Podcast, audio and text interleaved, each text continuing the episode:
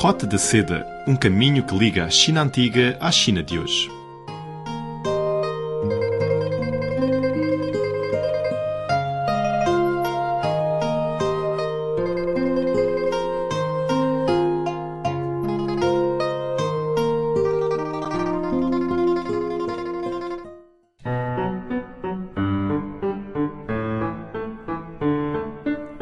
Olá, caros amigos, sejam muito bem-vindos a mais uma edição da Roda da Seda. Sou Silvia Jin. Hoje vamos primeiro à província de Yunnan, no sudoeste da China, para conhecer um músico local que se dedica a ensinar os moradores a cantar e tocar instrumentos de Plan, uma minoria étnica chinesa. Depois, vamos ao Brasil conhecer um acupunturista chinês que ajuda seus pacientes a aliviar dores com a medicina tradicional chinesa. Bom, para começar a nossa viagem de hoje, vamos primeiro à província de Yunnan, uma região conhecida pela diversidade cultural e suas minorias étnicas.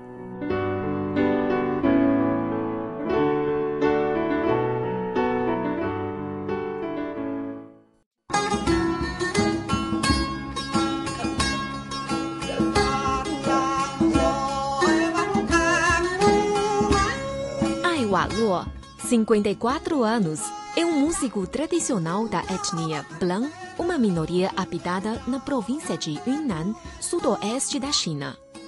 Com apenas 10 anos, Aiwaluo começou a aprender a cantar e tocar instrumentos étnicos, e ao chegar aos 12 anos, ele viveu uma vida itinerante, levando as canções e músicas de Blan para todo o país. Aiwaluo disse. 我们布朗族一古话，小娃会走路就会跳舞，会说话嘛就会唱歌。 Para minha etnia, as crianças sabem dançar desde que começam a andar e sabem cantar assim que aprendem a falar. Se um menino não sabe cantar nem dançar, dificilmente arranjará uma esposa no futuro. Por isso, venho cantando e dançando e assim encontrei o amor da minha vida. Cantamos juntos e nos tornamos cada dia mais apaixonados. Em 2009, Aiwa Luo foi indicado como sucessor da música da etnia Blan. Desde então, ele tem se dedicado a criar sua escola para ensinar os cantos, tocar instrumentos e, além disso, criar um museu para mostrar a cultura étnica de Blan. Seu objetivo é bem simples: despertar o interesse de mais pessoas e transmitir a cultura da sua etnia. Aiwa Luo assinalou. 原来我们布朗族这个文化埋没嘛，埋没。 A cultura da etnia Blanc era antes desconhecida. Gostaria de explorá-la e passá-la para a jovem geração. Se não fizer isso agora, seria extinta no futuro. Hoje, Aiwalô tem 680 alunos, dos quais a maioria é da etnia blan e um pouco da etnia Tai e Han. Apesar do crescimento do número de alunos que têm interesse em aprender a música tradicional, nunca faltam pessoas que estão contra. Ai Luo contou.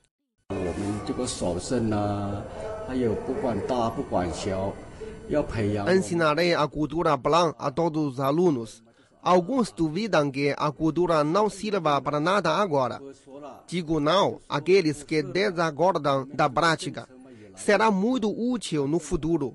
É bom se aprender agora.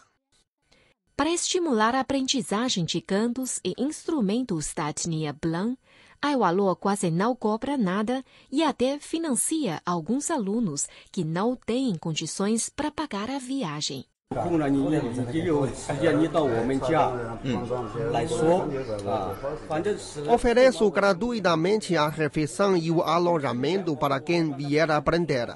Alguns alunos não têm condições para vir aqui, por isso financio parte da sua viagem. Se cobrar o curso, alojamento e refeição, ninguém quer vir. Agora a situação está melhor. Os alunos podem aprender uma semana aqui e praticar em casa com a minha gravação no celular. A família de Aiwaluo vive da agricultura e da borracha. A receita diminuiu devido à agitação do mercado, a turnê frequente e o ensino atrasaram os trabalhos agrícolas. Para compensar, Aiwaluo tem que contratar pessoas para fazer trabalhos agrícolas. Sendo o sucessor da música Blanc, Aiwaluo recebe anualmente subsídios do Estado para que ele transmita o legado folclórico. Contando com isso, os gastos sempre ultrapassaram a expectativa. Mesmo assim, Aiwaluo continua determinado no caminho da transmissão do patrimônio musical de Blanc. Além das dificuldades financeiras, o outro problema que Aiwaluo encontra é o método de ensino das músicas. Todos os conteúdos são dados pessoalmente por ele, já que a etnia não possui a língua escrita. Aí, a eficácia foi reduzida. Possuímos apenas a língua oral. Se tivermos a escrita, seria mais fácil a divulgação. Nessa trajetória cheia de desafios, Ai Walu conta também com o grande apoio da sua esposa.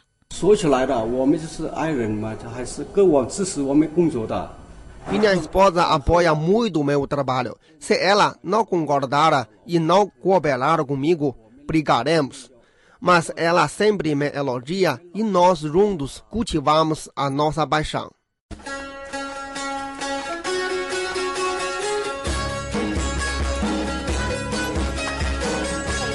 O principal instrumento da música Blanc é o com três cordas.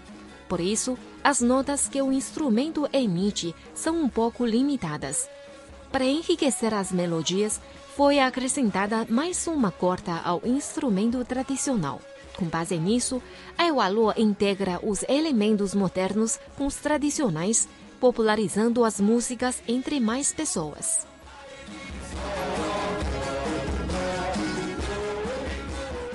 像这样，我们不能就单单嘛拿这个三弦嘛唱嘛，就是以的单调。 Acrescentei no instrumento tradicional uma bateria, um tamborim e uma guitarra, e o efeito é ótimo. As pessoas adoram esta mistura e muitos me convidam para tocar e cantar no seu casamento ou na mudança para a nova casa.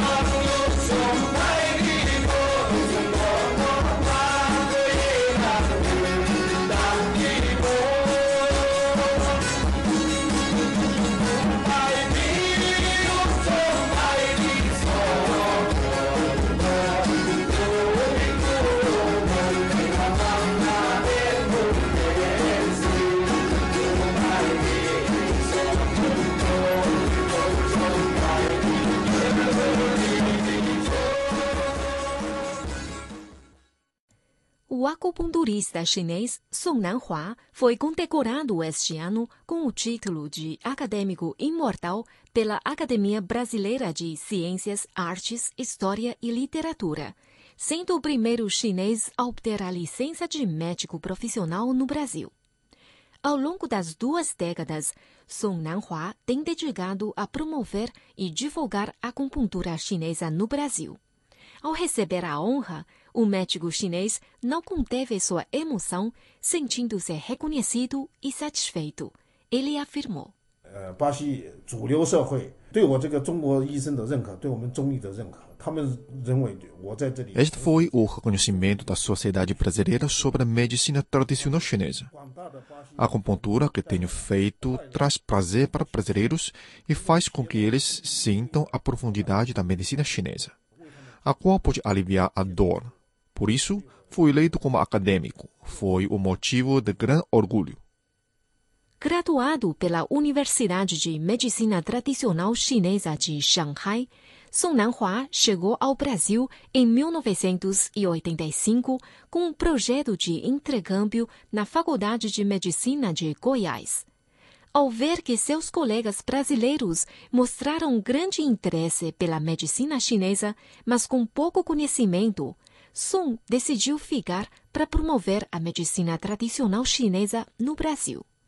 Naquela época, já havia bastantes chineses no Brasil que trabalhavam com acupuntura, mas nenhum deles tinha licença de médico. Por isso, a profissão era agregada a barbeiros e esteticistas em um grupo.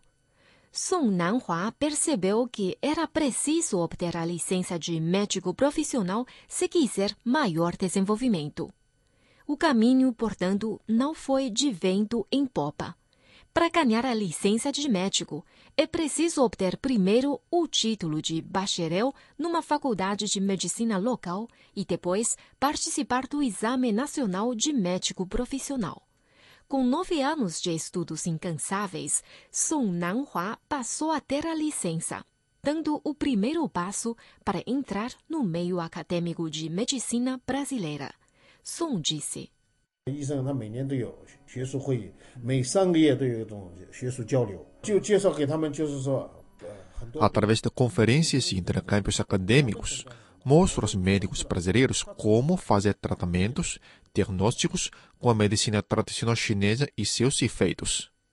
Em sua trajetória de 20 anos, Song Nanhua vem testemunhando o reconhecimento da acupuntura chinesa pelo setor brasileiro de saúde cada vez mais médicos brasileiros começam a integrar a medicina chinesa com a ocidental para um melhor efeito.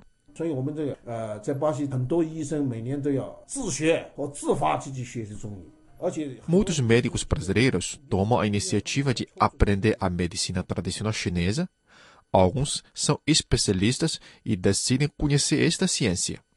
Hoje, o Brasil conta com mais de 8 mil médicos graduados que trabalham com acupuntura e 260 hospitais públicos estabelecem departamento de acupuntura.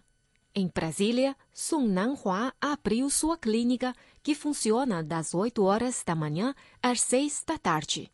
Seus clientes sempre lotam a casa. Brasileiros que antes hesitavam começaram a confiar e gostar da acupuntura logo depois da primeira experiência. Maria dos Santos, cliente de Som, contou. Aí eu comecei com tendinite nessa mão e já o médico já queria operar. Aí eu acho, eu acho ótimo, porque primeiro que não toma remédio, né? Sim, eu acabei de fazer um tratamento para tendinite no ombro esquerdo e foi muito bom o tratamento, fiquei bom com poucas sessões. Trouxe ela do Rio de Janeiro para iniciar um tratamento. A medicina tradicional chinesa é resultado da sabedoria da nação chinesa durante milhares de anos e é considerada como o tesouro da antiga ciência chinesa.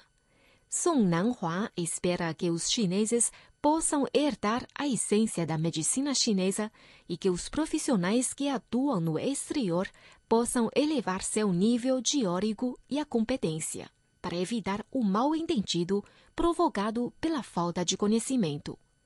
Para Sun, é preciso promover o diálogo com a medicina local e conseguir mais reconhecimento para que esta riqueza possa servir cada vez mais pessoas de todo o mundo. Sun concluiu. 针灸的力量、中医力量在国外还是非常小的，只能一步一步的让他们充分认识，让他们当地的医生。 A influência da acupuntura e da medicina tradicional chinesa é ainda pequena no exterior. Só quando ela for aplicada no paciente seria persuasivo.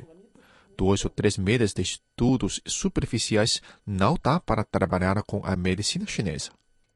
Bom, meus amigos, o programa Roda da Seda fica hoje por aqui. Muito obrigada pela sua sintonia. Voltaremos na próxima semana com muito mais novidades e surpresas para vocês. Não percam. Sou Silvia Jin e até a próxima. Tchau, tchau.